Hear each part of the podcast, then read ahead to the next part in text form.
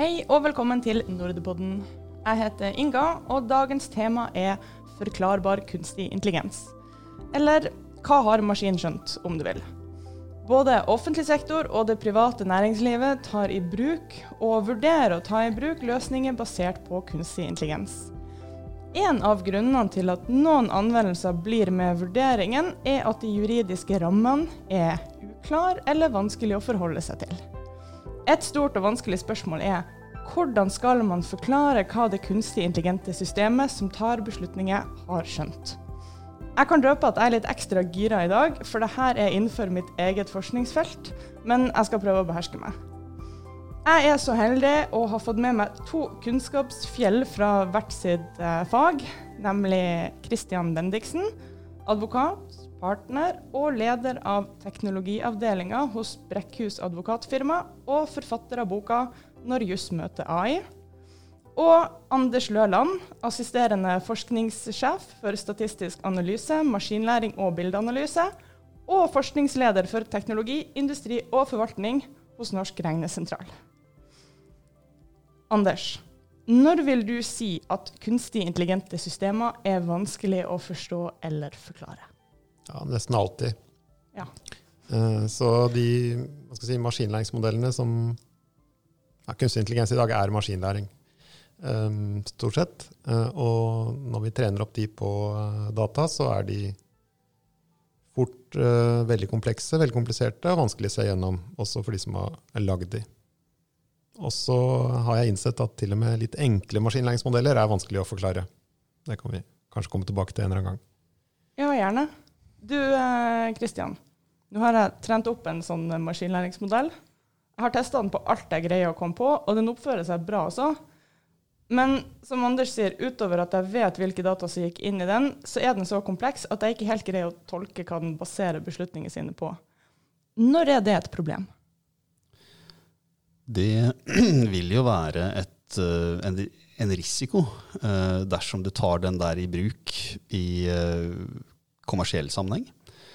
Eh, Der har de bl.a. denne klassikeren med eh, Microsofts Tay, som eh, skulle lære seg tenåringsslang, men som ikke hadde sperrer for hva den sendte ut. Ditt, ditt system er blitt trent på vaskede testdata. Så blir den satt i bruk på kundens reelle datastrøm, og plutselig kan det komme ut ganske ille resultater.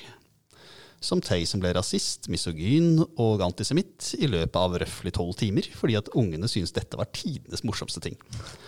Altså Hadde Tay blitt satt i bruk til kundebehandling hos la oss si et forsikringsselskap eller hos SAS, som jo håndterer eh, altså, billetter og mistet bagasje osv., og, og den hadde begynt å oppføre seg på den måten, så ville jeg definitivt, som SAS, ha rettet gått til eh, leverandøren dette og sagt hva i all verden med det saftige erstatningskravet. Så det er den ene biten. Hvis du ikke vet hvordan dette fungerer, og setter den i drift, og heller ikke har konstruert et sett med sperrer over hva den kan gjøre, så risikerer du å komme i en form for juridisk ansvar for de konsekvensene den kan skape. Eh, Og så har du da de andre situasjonene hvor eh, det følger av altså klassisk eh, hvis man tar slike systemer i bruk i forvaltningen. Um, og forvaltningen har jo regler for hvordan de skal gjøre ting. Uh, hvis man fatter enkeltvedtak, altså uh, forvaltningen med hjemmel i lov foretar seg noe som påvirker en enkeltpersons rettsstilling, så kommer forvaltningsloven til anvendelse, og da vil du ha en serie med prosesser som både skal sikre at beslutningen er korrekt, og den skal begrunnes. Ja, du begrunnes, ja. Ikke sant? Og hvis Hva du ikke for en jurist? Altså, Hvis du ikke skjønner hvordan systemet funker, så kan du i hvert fall ikke begrunne hvordan avgjørelsen er blitt fattet. Selv om, selv om jeg har te testa den, observert masse atferd og vet hvilke data som gikk inn, og hva jeg ba den om å gjøre. Eh, Da har du en del av det som kreves. Altså, det, det er klart, Begrunnelsesplikten i forvaltningsloven eh, den er jo basert på eh, menneskelige saksbehandlere. Det er en menneskelig saksbehandler som sitter her, det er en menneskelig saksbehandler som skal fortelle og formidle til den som blir utsatt for et vedtak. enten det er positivt, du får byggetillatelsen, eller negativt, du får avslag på, eh, avslag på trygdesøknaden, eh, så skal du være innom hva er hjemmelsgrunnlaget? Altså hvilket lovmessig grunnlag har forvaltningen for å gjøre det den gjør? Mm. Hvilket faktum har eh, forvaltningen brukt for å gjøre det den gjør? Og begge de to punktene vil jeg anta at et maskinlæringsbasert system kan fikse. Men så kommer du til tredje punktet, da. Og det er at man skal um, nevne de hovedhensyn som har vært avgjørende ved utøvingen av, skjønns, av det skjønnet som den saksbehandleren har utøvet, når han har tatt loven og faktum og komme til en konklusjon. Du, eh, Anders, når vi snakker om eh, skjønn, så er jo egentlig det rett ned maskinlæringsgaten. Altså Vi fôrer med data, og i den verden beskrevet av de dataene, så utvikler maskinlæringsmodellen egentlig et slags skjønn. Tenk, jeg å si, Er du enig med det? Du får lov til å, du får lov å si tja. Men jeg lurer på, de her lovene er jo veldig skrevet for menneskelige saksbehandlere. Mm. Kan du, når du sitter og forsker på kunstig intelligens og forklarbarhet, forholde deg til dem? Oversette menneskereglene til, til det kunstig intelligente systemet? Ja, altså jeg tenker at lovverket i dag er jo ikke lagd for datamaskiner, det er jo lagd for mennesker. Mm. Uh, så um, Det beste er kanskje å gjøre noe med lovverket hvis vi ønsker mer bruk av maskinlæring i, i forvaltningen. Da. Mm. Um, men ellers er jo det skjønn, hva er skjønn uh, Noe maskinlæring kanskje er ganske god på, er en sånn slags risikovurdering. Da. Hva er sannsynligheten for ditt og datt? Um, og det er, det er jo på en måte et skjønn, men det er kanskje et litt sånn vagt skjønn. da. Det er høy eller lav risiko for at du kommer til å Derfor har vi plukka ut ei her. Um, mens det menneskelige skjønnet det inneholder jo mye mer. Uh, det inneholder kanskje informasjon som, som maskinlæringen vanskelig kan få tilgang til. da. Ja. Um, så sånn sett så er det, høres jo det her litt vanskelig å få, få til. ja. Altså, setter vi egentlig en standard for maskiner som vi skulle ønske at vi kunne sette for mennesker? Eh, eller eh, hva tenker du, Kristian? Skulle vi ha, skulle hatt egne lover for maskiner, egentlig? Eller skal vi tenke at eh, ja, vi, vi forventer forklaring av mennesker, da forventer vi forklaring av maskiner også? Det kommer vel veldig an på hvordan vi bruker maskin, altså maskin-menneske-interaksjonen. altså, en ting er altså Det vi nå har snakket om, det er jo en situasjon hvor eh, vi forutsetter at eh, dette systemet fatter enkeltvedtak. Mm. Altså, vi har et maskinlæringsbasert system som med hjemmel i lov pålegger mennesker å gjøre noe, Mm. eller hindrer mennesker fra å gjøre noe. Uh, og det er jo ikke gitt at vi skal gjøre det overhodet. Altså, det, det kan godt tenkes at eh, eh, at maskinlæringsbaserte systemer bør stoppe ved en beslutningsstøtte. Altså, som du var inne på, så er de ganske gode til å evaluere risiko. Mm. Men det er andre aspekter ved det menneskelige skjønn som de ikke greier å duplisere, i hvert fall ikke foreløpig. Eh, Og da kan det jo tenkes at vi øker kvaliteten i en menneskelig avgjørelse ved å gi maskinlæringssystemer som hjelpeverktøy. Og det er jo litt det Lånekassen har gjort med eh, det verktøyet som analyserer eh, deres eh, kunder i forhold til eh, kontroll av borteboerstipend.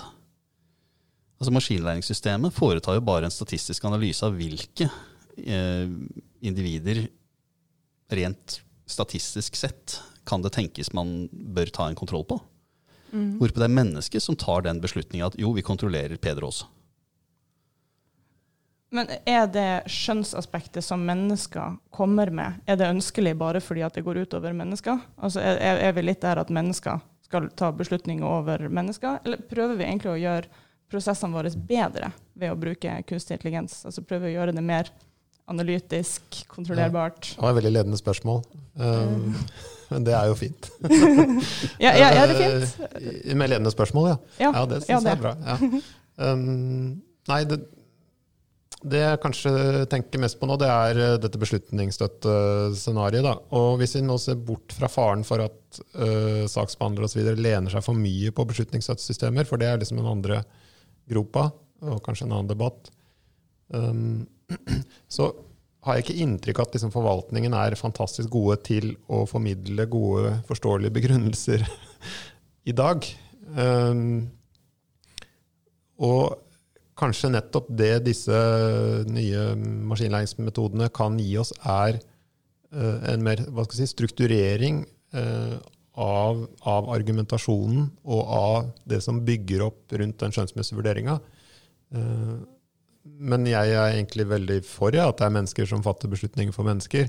Men så er det kanskje litt enklere beslutninger som kan helautomatiseres, som ikke er Det er liksom litt to forskjellige ting, det, det som krever et skjønn, og det som ikke burde kreve et skjønn, kanskje. Samtidig så tenker jeg at det å, å flytte å si, fronten hvor maskinlæringa har tatt beslutninger fra sluttbrukeren og så bare til et menneske, såkalt human in the loop, som skal ta den endelige beslutninga, så flytter vi jo også bare hvem det må forklares for. Hvis det sitter en saksbehandler og får tips fra en maskinlæringsmodell, så må jo vedkommende få en forklaring på hvorfor det tipset kom ut som ja, det Nei, gjorde. det er enig. Så den, Mm. den, det, stiller krav til maskinlæringa at den, den klarer å forklare hva den lagt vekt på, hvorfor, eh, og at det er på en måte nyttig for saksbehandleren. Gjør det, setter saksbehandleren i stand til å, å begrunne et vedtak, da, f.eks. Men, men jeg bare tenker det kan være en slags sånn standardisering av hvordan forvaltninga Eller bidra til en standardisering eller en mer likhet. eh, at hvis du er litt uheldig med saksbehandleren din, så får du en dårligere begrunnelse, men med et sånt verktøy så, så blir det en sånn slags utjevning. da. Altså, jeg tror også at det som vil skje med um, kunstig intelligens som beslutningsstøtte, snarere enn autonom beslutningstager, det er jo også at begrunnelseskravet blir lettere. Fordi at Hva mener du blir lettere? Altså at vi filer på kravene? Ja. I, Eh, i loven? Altså, loven, altså, loven gjelder jo ikke for eh, saksbehandlerens beslutningsstøttesystemer. Loven ja. gjelder jo for det vedtaket som blir fattet, og det, vet, altså det vedtaket skal begrunnes på en måte som gjør mottakeren, altså pliktsubjektet, i stand til å forstå hvilke lover som gjaldt, hvilke faktum som ble lagt vekt på, og hvordan skjønnet da falt i den ene eller den andre retningen i hans favør eller disfavør. Bare, bare for å se at jeg forstår, hvis jeg har en saksbehandler som får et tips fra en maskinlæringsmodell, og vedkommende tenker jo, men det her virker som det stemmer, og så kommer inn med skjønnet sitt og tar beslutningen, da, det, da faller egentlig et forklaringskrav til maskinlæringsmodellen bort. Ja, så, eh, Saksbehandleren må jo da forklare eh, hvilke faktum som han brukte for å nå sin konklusjon. Og Hvis Ja. det faktumet inkluderer da at eh, en, en rar bit med software sa at han skulle ta den konklusjonen, eh, så, kan jo tenke, så er vel det en fullstendig begrunnelse for hvorfor han gjorde det, men det kan jo tenkes at eh, den som da får avslått byggetillatelsen sin, ikke blir veldig fornøyd. Nei. Anders, hvorfor er det så vanskelig å forklare de her maskinlæringsmodellene? Hvorfor gjør vi det ikke bare? Eh, nei, det er et langt uh, lerret, det her. Kjør på. um, det er uh, flere grunner. Det ene er at maskinlæring kommer på en måte fra en tradisjon innen hva skal vi si, informatikk eller datavitenskap som ikke har hatt det fokuset på å forklare. Det har ikke vært et sånn uh, hva skal jeg si, vitenskapsfokus, det har vært et sånn ingeniørfokus, kanskje. Litt sånn hvor- hvordan kan vi få det til å virke? Algoritmer som er raske, gode prediksjoner, som er det maskinlæringen egentlig driver med. Um, mens det mer matematisk, uh, statistisk modellering kanskje, har handla mer om å lage forståelige modeller, uh, i hvert fall for vitenskapsfolk, for å liksom, fordi det er én parameter du er interessert i. F.eks. denne R-en, reproduksjonstallet. reproduksjonstallet. Uh, det er på en måte helt meningsløst å la en maskinlæringsmodell angripe eller prøve å anslå det, fordi vi må en forstå hva som skjer da. Så det tror jeg er én grunn. Eh, Så det handler litt om sånn, si, vitenskapelige tradisjoner, og litt om formålet. Hva er det vi prøver å oppnå? Um, og uh, f.eks. ansiktsgjenkjenning. Det er jo helt fantastisk at det funker så bra som det gjør. Og sånn initielt så har det ikke vært så viktig å skjønne hvorfor det funker. Det er jo først når problemene dukker opp, at vi trenger det. ikke sant? Og, og sånn vitenskapsmessig så er det selvfølgelig viktig å skjønne hva som skjer, men, men jeg er så glad for at det funker, så det, det er bra nok for en del. Ja. Um, og så er det selvfølgelig at disse modellene, f.eks. ansiktsgjenkjenning, da er jo, er jo modeller, nevrale nett eller lignende, som, som, består av millioner av parametere. Eh, det er ikke de parameterne på en måte uavhengige av hverandre, men, men det er uendelig komplekse modeller. Og, og, det er nesten ingen som klarer å Det er helt umulig å skjønne liksom alt som skjer der. Eh, en skjønner det nok hvis en på en måte forenkler modellene veldig, mm. men sjøl da så er det veldig komplisert, for det er mye interaksjoner, mye avhengigheter. Det er på en måte ikke en, en, en kombinasjon av uavhengige ingredienser. Det er ikke sånn 20 mm. mel og osv. Det er 20% eller Det er kanskje 20% mel, men det en det samspiller med gjær på en komplisert, ikke-linær måte. Ja. Eh, så alt det her gjør eh, at ja, så, så modellen er veldig komplisert, og virkeligheten er jo kanskje sånn òg. Vi skal forklare virkeligheten. Hvordan er egentlig den? Ja. Godt spørsmål. Det lurer jeg òg på. Jeg har um, uh, Når jeg prøver å forklare folk hvorfor vi noen ganger er litt gira på å bruke maskinlæring, selv om vi kanskje ikke skjønner nøyaktig på et menneskelig intuitivt nivå hva som foregår, så sier jeg at ja, men vi ga jo folk jeg tror det var aspirin eller noe sånt i 100 år før vi skjønte hvordan det faktisk virker i kroppen. Og da var det en som svarte ja. Og vi ga også barn heroin i hostesaften fordi at det fungerte ei stund. Um, tenker dere at uh, si, krav om forklaring, er det der fordi at vi skal uh, føle oss si, overtalt og bedre med beslutninger som ble tatt? Eller, eller, er det fordi at vi prøver å være liksom, forutseende på hva maskinlæring, hvilken, hvilken, vei det dytter oss? Altså, hva er intensjonen? Hvorfor, hvorfor vil vi ha de her forklaringene? Jeg kan godt begynne, ja. Fordi ja. jeg tror det er et sånn vitenskapelig eh, grunn også, da, sånn nysgjerrighetsgrunn. altså sånn grunnleggende grunn. Vi ønsker å forstå hva som skjer. Mm. Og så på en måte de juridiske grunnene, eller hva skal si, samfunnsmessige grunnene, er um, uh, de, er, de, er, selvfølgelig viktige, men de er viktige på en annen måte. Da. Uh, ja. Hvordan er de viktige? Altså, som sagt, fra brukerperspektivet eh, så vil jo en begrunnelse i form av en forklaring som jeg kan forstå uh, når jeg kjøper dette systemet, uh, være med på å ta ned risikoen ved å sette det i drift. Mm. Uh, og det kan jo da igjen bety at man kan anvende det til kanskje på et litt bredere felt. Eller slippe det løs på litt flere, større data, altså deler av datastrømmen min enn jeg opprinnelig hadde tenkt.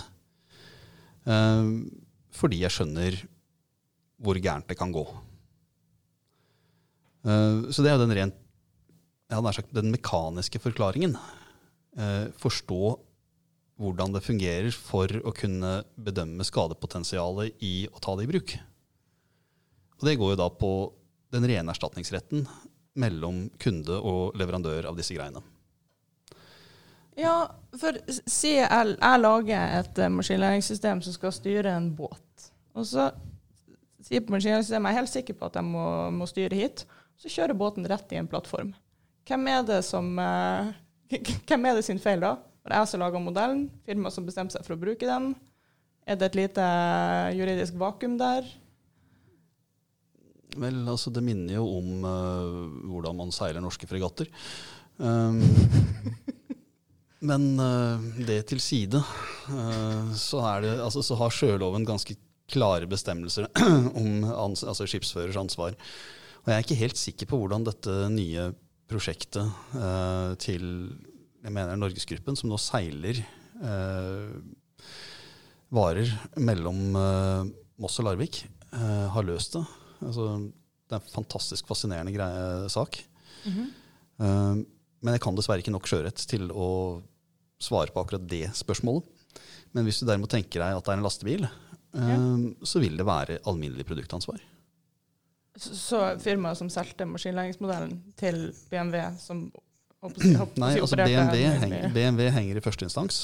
Ja. Fordi de har satt i, bruk, eh, satt eh, i produksjon og, og deretter i salg et produkt med skadevoldende egenskaper. Uh, og så er da Ja. det faktum at produ produktets skadevoldende egenskaper kommer fra din halvkonstruerte AI, et forhold mellom BMW og deg. Akkurat. Og der kan jeg tenke meg at BMW kommer til å bli litt aggressive. Men ja, når vi er inne på f.eks. Eh, bilkjøring og båtføring og sånne ting, så er jo det her ganske kompliserte greier. Altså, vi, vi, tre vi trenger mange lag i de nevrale nettverkene som kan løse sånne oppgaver. Men det er jo eh, det, Hvis du snakker med datavitere, data scientists som det heter når man er ung, um, så snakker de ofte om et interpretability accuracy trade-off. Altså at jo mer komplisert modell du lager, jo vanskeligere er den å forklare. Så du kan gjøre den mer forklarbar ved å gjøre den enklere. Um, tenker dere litt sånn at vi egentlig ikke burde begi oss ut i det her rommet som åpner seg kun når vi lager skikkelig avanserte modeller? Uh, på en sånn, sånn føre var-måte? Eller burde vi kjøre på? Og så eh, får vi heller ta den forklaringa etter hvert. Ja, kjøre på er kanskje ikke riktig, men, eh, men eh, det trenger ikke å være en konflikt mellom en avansert modell og at du klarer å forklare hva som skjer. Det handler bare om ja, gode metoder. Men jeg vil kanskje understreke at det at du klarer å forklare en modell Og når vi snakker om å forklare en modell, så snakker vi egentlig om å forklare en enkelthendelse her. Vi snakker ikke om å forklare en sånn gjennomsnitts Uh, At denne, dette skipet i gjennomsnitt kjører med fem knop og kjører rett fram. Uh, men det er på en måte en spesifikk uh, manøver eller en ja, spesifikk beslutning eller for et enkeltindivid. Um, oh, ja, Men så, ja. For det er jo litt enklere sånn sett å forklare en enkelt beslutning enn å forklare en hel modell i alle Ja, fordi en, en hel modell består jo egentlig av alle mulige bevegelser, alle mulige utfall. Og hva, så da kan du jo for så vidt, hvis du klarer å beskrive et enkeltutfall, så kan du jo be om å få forklart alle de, de relevante mengdene av utfall, da, selvfølgelig. Men, men det er på en måte ikke interessant med en gjennomsnitt over alle forklaringer, fordi, eller alle utfall. Fordi det, det kan være som å ha huet i ommen og i kjøleskapet, eller og beina i kjøleskapet. ikke sant? Det, ja, er ikke så det er jo interessant, da. Men det er mer spennende. Men det, var det jeg tenkte å si, var at det at vi klarer å forklare øh, maskinlæringsmodeller, betyr ikke at de er gode. Det betyr kanskje at vi, som du var inne på, kan avsløre at de er dårlige. Og er det noe som er sikkert, så er det jo at disse modellene ikke er perfekte. øh, øh, og er ganske naive. Altså, det kan godt være at de Det som går inn i modellene, Eh, Det er ikke det som styrer modellene, som er det vi tror. Det er ikke, det er ikke sånn at det at du har forklart en modell, gjør at den modellen blir bedre. Det betyr egentlig bare at du avkler modellen. Da. Men hvis du Christian, får levert en modell med en forklaring, så vil du si at den er mye mer brukende enn kun en modell med, en, med et formål. si. Det kommer jo an på hvorvidt den forklaringen er i stand til å begrense risikoen ved å ta den i bruk. Ja, altså, -hmm. Hvis- hvis så det er litt krav til forklaringer? Hvilken som helst forklaring er ikke god nok? altså en hvilken som helst forklaring uh, på hvordan den virker, uh, kan vel hjelpe til med det. Under forutsetning av at den da faktisk eh, stemmer.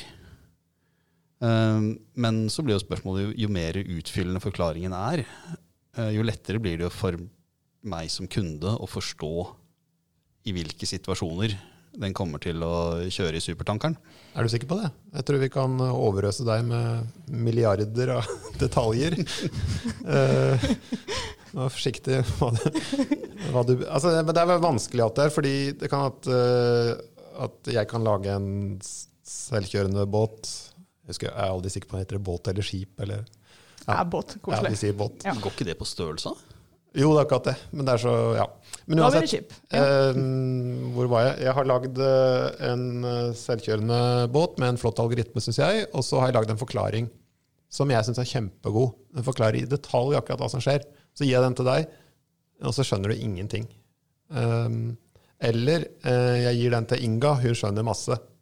Um, så det her er Det er jo et grensesnitt der mellom bruker og og det er så mange brukere. ikke sant? Det er eh, kun, bruker som kunde, det er bruker som som eh, interessert ingeniør, det er bruker som sluttkunde, det er bruker som eh, 80 år har nettopp begynt med bank-ID. Altså, eh, disse kravene Det er lett, liksom lett eller det er lett å si at vi skal forklare beslutninger og modeller osv., men, men Men det, det, det, det grensesnittet der er jo veldig komplisert. da.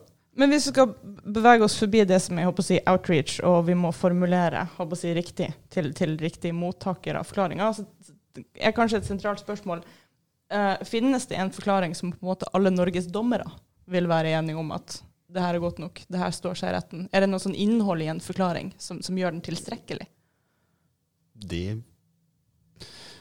Nå skal jeg være litt forsiktig med å forskuttere hva alle Norges dommere skulle mene om saken. All den tid det ikke finnes rettspraksis i hele verden på kunstig intelligens så langt. Ja. Kan vi uh, si det en gang til for the people in the back? Vi mangler rettspraksis på det her. Ja. uh, Det er én sak som nå verserer for The High Courts of Justice på mangelsansvar ved, uh, bruk, altså ved leveranse av kunstig intelligens, men her er det et eller annet rart som har skjedd med med saksomkostningene. Så jeg er redd for at den er stansa. Og sånn alle uh, verdens jus-IT-nerder tigger om at de skal komme opp med det, den, den garantien, sånn at denne saken faktisk blir ført. Men uh, så det, ja. Men hva med forvaltningsretten? Har det på en måte vært, vært gjort avgrensninger, eller eh, at domstolene har på en måte sett på dette begrunnelseskravet der? Nei, ikke på maskinell behandling. Nei, nei, men på eh, menneskelig behandling, for det er på en måte en parallell. Ja, ikke I bøtter og spann. Ikke sant? Så det må jo være en, en det må jo være et parallelle krav til en, en maskinell behandling på en eller annen måte. Igjen, dersom den maskinelle behandlingen utfører en, et autonomt vedtak, Mm. så eh, må det jo det. Mm. Um, og der har man jo blant annet en, eh, en dom fra tidlig 80-tall hvor man uh, Høyesterett satte begrunnelseskravet så strengt for et svært urimelig utfall. Eh, fordi eh, i utgangspunktet skal det ikke eh, domstolene, altså jurister skal ikke overprøve hva forvaltningen mener er konkret riktig. Vi skal bare sjekke at de har fulgt reglene. Mm. Um, fordi at mitt klassiske altså, Unnskyld. Uh, mitt uh, normale eksempel på det er at uh, du vil ikke at en jurist skal bestemme hvilket kirurgisk utstyr uh, legene skal, kjø skal kjøpe. Mm. Det er en legesak. Mm. Så domstolene sjekker at forvaltningslovens regler er fulgt, men de sjekker ikke om beslutningen er rimelig. Nei, om skjønnet er godt Om dårlig. skjønnet er godt eller dårlig. Fordi det er skjønn. Nettopp. Ja. Og det er jo også den biten som gjør at jeg er litt eh, skeptisk til å la maskiner ta autonome beslutninger, fordi systemet som sådan forutsetter på en måte at det er et menneskelig rom for skjønn Mm. i disse enkeltvedtakene. Så Som- maskiner passer ikke uten videre, egentlig, inn i landskapet vi har. Altså, det finnes jo noen eh, beslutninger som er mekaniske. Altså, hvis du har så og så lang eh, oppholdstid og eh, så gjort altså, Mm. igjen, Mm. Kvantifiserbare kriterier genererer spesifikke rettigheter. Ja. De vil jo åpenbart være egnet for ikke, altså ikke maskinlæring, men det er en ren automatiserbar prosess. Det er akkurat det. Ikke maskinlæring, automatiserbare prosesser vil jo en maskin og et menneske gjøre klin likt. Mm. Så da kan vi late som det var et menneske som gjorde det, og ingen vil se forskjell. Ikke sant? Og så har du de altså, hvor eh, forvaltningsrettslig kravene til likebehandling står sterkere enn kravene til rimelighet. Mm. Altså blant annet altså trygdeytelser skal du få inn altså Har du en gitt uføregrad, så skal Mm. du få innvilget en gitt uh, trygd. Mm. Um, og der kan man jo eh, se for seg en situasjon hvor en maskinlæringssekvens er bedre til å fastslå uførhetsgraden enn et menneske. Kanskje. Mhm. Fordi at de er bedre til å trekke ut de relevante dataene fra doktorenes diagnoser. Mm. Um, Men det er vanskelig å vurdere det skjønnet, det maskinelle skjønnet. da. Nettopp. Uh, og i og med at du sier at vi ikke klarer å egentlig vurdere det menneskelige skjønnet som Hvis en ser for seg et sånn maskinelt skjønn, så må jo det måtte være trent opp, må jo lære av et menneskelig skjønn, ja, i hvert fall så lenge vi er her. I hvert fall. Ja, og litt ned den gata så vet vi jo at maskinlæring oppdager korrelasjoner, altså sammenhenger, i dataene. Altså når det her skjer, så skjer også ofte det der. Eh, så det er, ingen, det er ingen kausal forståelse. Altså det her bruker å forårsake det der. Eh, er det en utfordring at mennesker egentlig vil ha en forklaring av virkeligheten, mens det beste er, kan gi en forklaring egentlig av denne korrelasjonsdeteksjonsmaskinen min? Er er, det, er det en liten asymmetri der i forventning og hva man faktisk har laga? Ja, det er jo i hvert fall en asymmetri der, sånn metodisk, da. Sånn vitenskapelig så er det en stor asymmetri der. Um, Så utdyp uh, det. Ja. um, så disse, og maskiner er jo ikke bare nevrale nett. ikke sant? Det er, det er Mm. en del annet, i hvert fall. Men det er liksom nevrale nett vi hører mest om. da. Um, og, og, og sånn I utgangspunktet så er det ikke noe, det er ikke noe uh, kausalitet eller noe fysikk eller noe uh, strenge krav til rekkefølge i en sånn uh, nevralt nettverk. Mm. Mens hvis en skal ha kausalitet, altså årsakssammenheng, så er det liksom Da må årsak eller virkning Årsak kommer før virkning, f.eks. Ja. Må du gjøre Eh, kausal inferens og Ja, ja. eksperimenter. Og, da, sånn og, da, ting. og det er jo en lang sånn tradisjon i mer sånn statistisk matematisk modellering for det her. I, i, i medisinstatistikk f.eks. så er de Mm. veldig interessert i det. Hva, hvorfor virker, virker aspirin, da, f.eks. Um, men det en typisk gjør da, er at en begrenser seg på en måte, en lager la oss kalle det maskinlæringsmodeller som er enklere, som har mye strengere struktur, som har en slags sånn kausal struktur. da, Sånn at det er mulig å tolke. Sånn at det er mulig å identifisere eh, kausale sammenhenger, hvis de fins. Prøve å anslå hvor, sterke de er, eller um, men, men, da, men da har du på en måte frigjort Da har du Da har du ikke lenger denne uendelig altså Da har du ikke to millioner parametere lenger. Da har du bestemt deg for at du skal lage noe tolkbart fra starten av. Ja. Kristian, er det en viktig forskjell her, om jeg kommer med en korrelasjonsmaskin eller en kausalitetsmaskin? Eh, altså når du spør hvorfor, vil du da ha et svar som beskriver årsakssammenhenger i verden? Eller eh, er det greit med en sånn Nei, som oftest så sammenhenger det her med det her. Det kommer jo igjen helt an på anvendelsesområdet. Naturligvis. Jeg er jurist. Det kommer an på. Det er sånn det er. Altså, vi, vi lever av konkrete tilfeller, vet du. Ja, det- ja. Ikke sant? Mm. ja. det er det å eh, ødelegge for meg sjøl. Men det blir jo, altså, hvis du skal oppfylle et lovkrav til begrunnelse som en slik forvaltningsloven stiller det, eller den nye som er på høring nå, altså Mm. Ehm, En ny forvaltningslov? Ja da. Er det du sier? Mm, kommer i løpet av et par år, tipper jeg. Et par år, ja. Ok, ja. så snart. NOU-en er skrevet, og den er på høring nå. Ja. Um, men det vil Altså, nøkkelen er jo at du skal ha en begrunnelse for hvorfor jeg ikke fikk byggetillatelsen. Ja.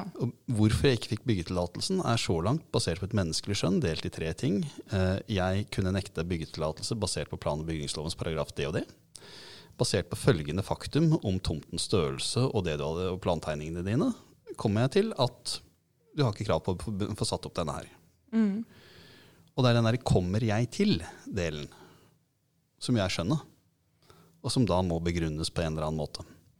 Og hvis en maskin skal overta det skjønnet, så må jo da maskinen komme med en forklaring på hvorfor byggetegningen var i strid med loven.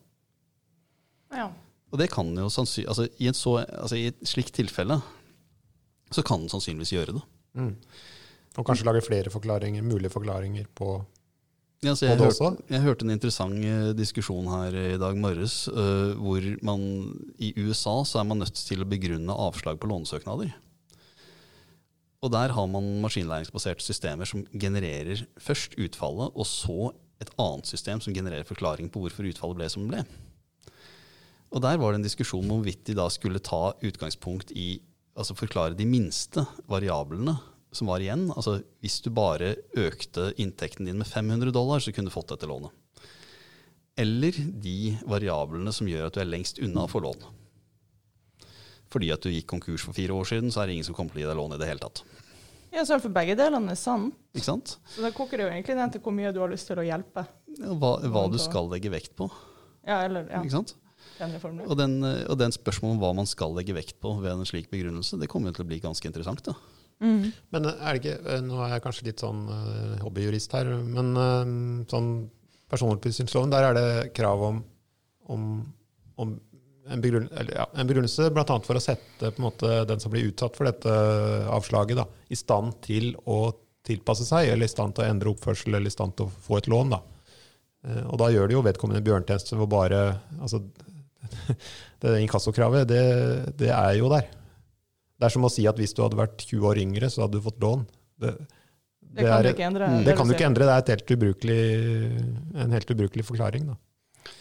Så spørsmålet der er jo hvorvidt man Altså eh, i eh, personopplysningsloven, altså GDPRs krav om at eh, man skal gi opply, altså, informasjon om den underliggende logikken i dette altså, som ligger til grunn for den automatiserte avgjørelsen.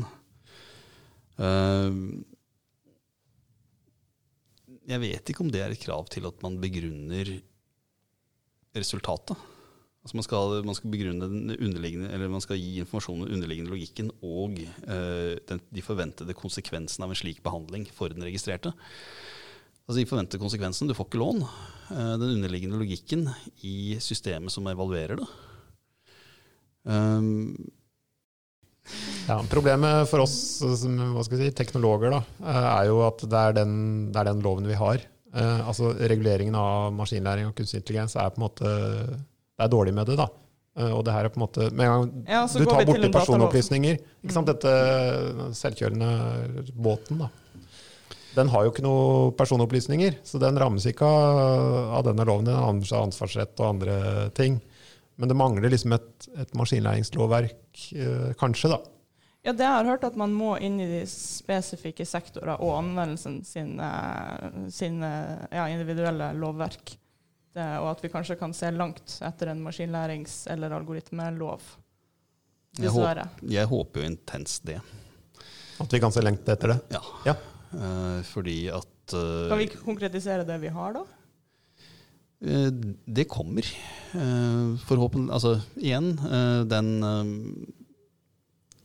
saken for The High Courts of Justice ville jo satt en terskel for hva kan man forvente av et system som lærer på kundens data etter leveranse. Altså hvilken, altså hvilken ytelseskvalitet kan man da med rimelighet forvente.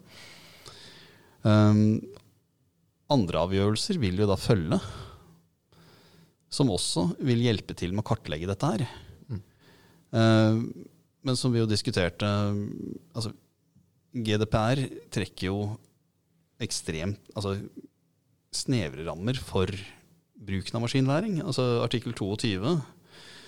eh, Den registrerte skal rett til ikke være gjenstand for en avgjørelse som utelukkende er basert på automatisert behandling. Mm. Altså, det er i utgangspunktet et forbud. Den.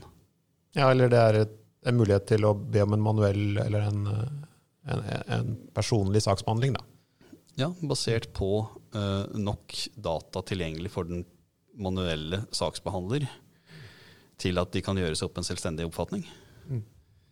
Um, så min, min redsel ved en algoritmelov er jo at du kommer til å få en regulering av dette her som gjør at vi alle sammen kommer til å kjøre på kinesiske systemer om en fem års tid. Fordi det blir så vanskelig å navigere. Fordi, fordi det, eh, alle er livredde for AI, så alle kommer til å, altså reguleringstersklene kommer til å bli satt så høyt at det for alle praktiske formål ikke kommer til å være noe europeisk, lov, altså europeisk AI-industri lenger. Men det er vel litt sånn, det du beskriver er jo en sånn høna og egg-problemstilling, og den har vi vel uansett om, om vi har en algoritmelov eller ikke. Det er på en måte ingen som tør å være først ute fordi, ja, av litt i samme Ja, uansett, da. Og Der har vi jo eh, Datatilsynets initiativ med en eh, regulatorisk sandkasse, som da skal gjøre det lettere å teste ut eh, systemer i realtime eh, omgivelser uten at man nødvendigvis da får store problemer. Og den typen eh, initiativer får vi håpe blir, mm, tatt, altså, eh, blir brukt i større omfang. Ja. Det er flere regulatoriske sandkasser for kunstig intelligens hadde kanskje vært oppe å si en drøm. Men vi får nå se hvordan det går med den eh, første først. Jeg har lyst til å spørre dere to til slutt. Eh, vil dere si at det faktisk er en avstand mellom fronten av maskinlæringsmodeller som kan tas i bruk, og de som faktisk tas i bruk, fordi kravene til akkurat forklarbarhet uh, er uklare eller urimelige eller vanskelig? Altså, er, er det eh, en av barrierene? Det er i hvert fall ikke den eneste barrieren. Altså det er personen... person... Det at det ofte er snakk om personopplysninger, f.eks., er jo et stort hinder f.eks. i helsesektoren. da. Mm. Eh, Og sensitive opplysninger osv. Um, Ja, kjære lytter, vi er fremdeles her, men det Ja. tenkes eh, hardt. Det tenkes hardt, Det er et godt uh, tegn. Altså, jeg vet ikke, et greit svar. Og endre mening er også greit. Vi er ikke politikere. Så jeg vil jo si at uh, i uh, altså forklarbarhet som krav for autonom offentlig saksbehandling kan være et helt utmerket hinder for at man tar, altså går for langt i å ta, eh, ta disse systemene i bruk.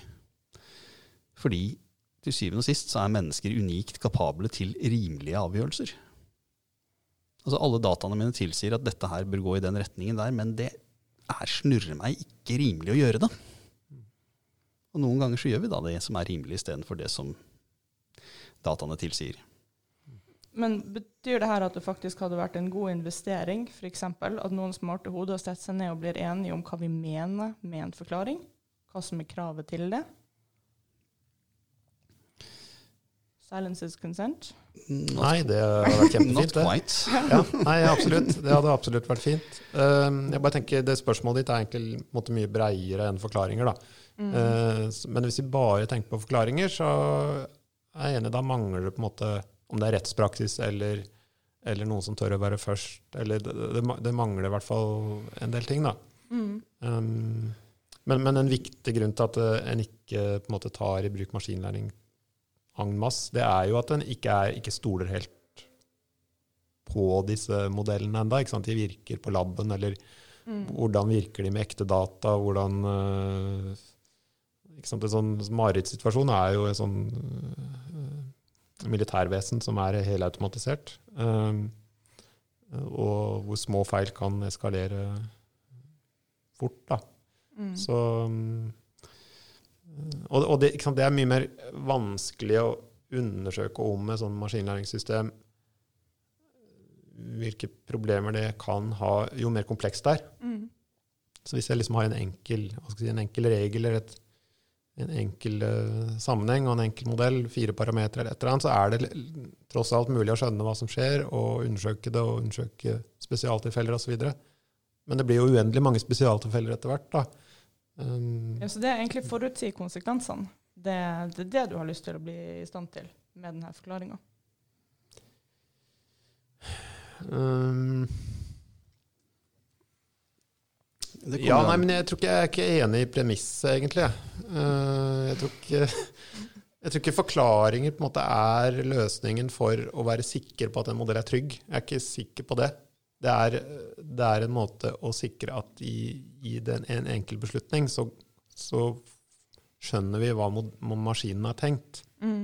Eh, og så kan vi handle ut fra det. Det er noe annet enn å garantere at denne modellen er 100% sikker.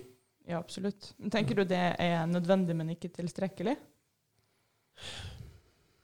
Nei, jeg tror det kan godt være tilstrekkelig med en eh, god og riktig forklaring. Um, Det blir jo en eh, ex post istedenfor en ex ante. Altså, du får, eh, altså, forklaringen gir begrunnelsen på hva som skjedde. Men det gjør jo ikke altså, at vi kan garantere uh, når systemet tas i produksjon, at noe aldri vil skje. Ikke mm. Eh, Men det at den gir en forklaring, gjør i hvert fall at vi kan løpende korrigere den. Mm. Og dermed sørge for at hvis det skjer noe galt, på la oss si en begrenset eh, datamengde eller et begrenset område, så kan vi korrigere det løpende før vi faktisk tar den i bruk på de virkelig alvorlige tingene. Og så skjønner vi hva det er vi må Nettopp. korrigere. Vi skjønner hva vi må korrigere. Så i den situasjonen så vil forklaringen, altså forklarbarheten i modellen, hjelpe til med både å forbedre kvaliteten på den, eh, den gjør færre unoter, eh, og redusere risikoen ved å ta den i bruk. Og som sådan så er det jo fra et kontraktsperspektiv en, eh, et klart bedre produkt.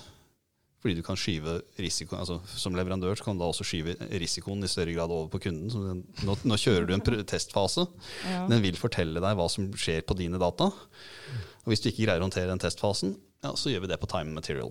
Men ikke kom her og klag over at dette systemet plutselig gjorde katastrofale feil, fordi at da har du ikke testa det godt nok.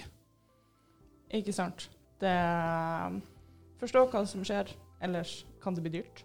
Eh, hva, den, den eh, dype innsikten der eh, er jeg veldig komfortabel med å avslutte med.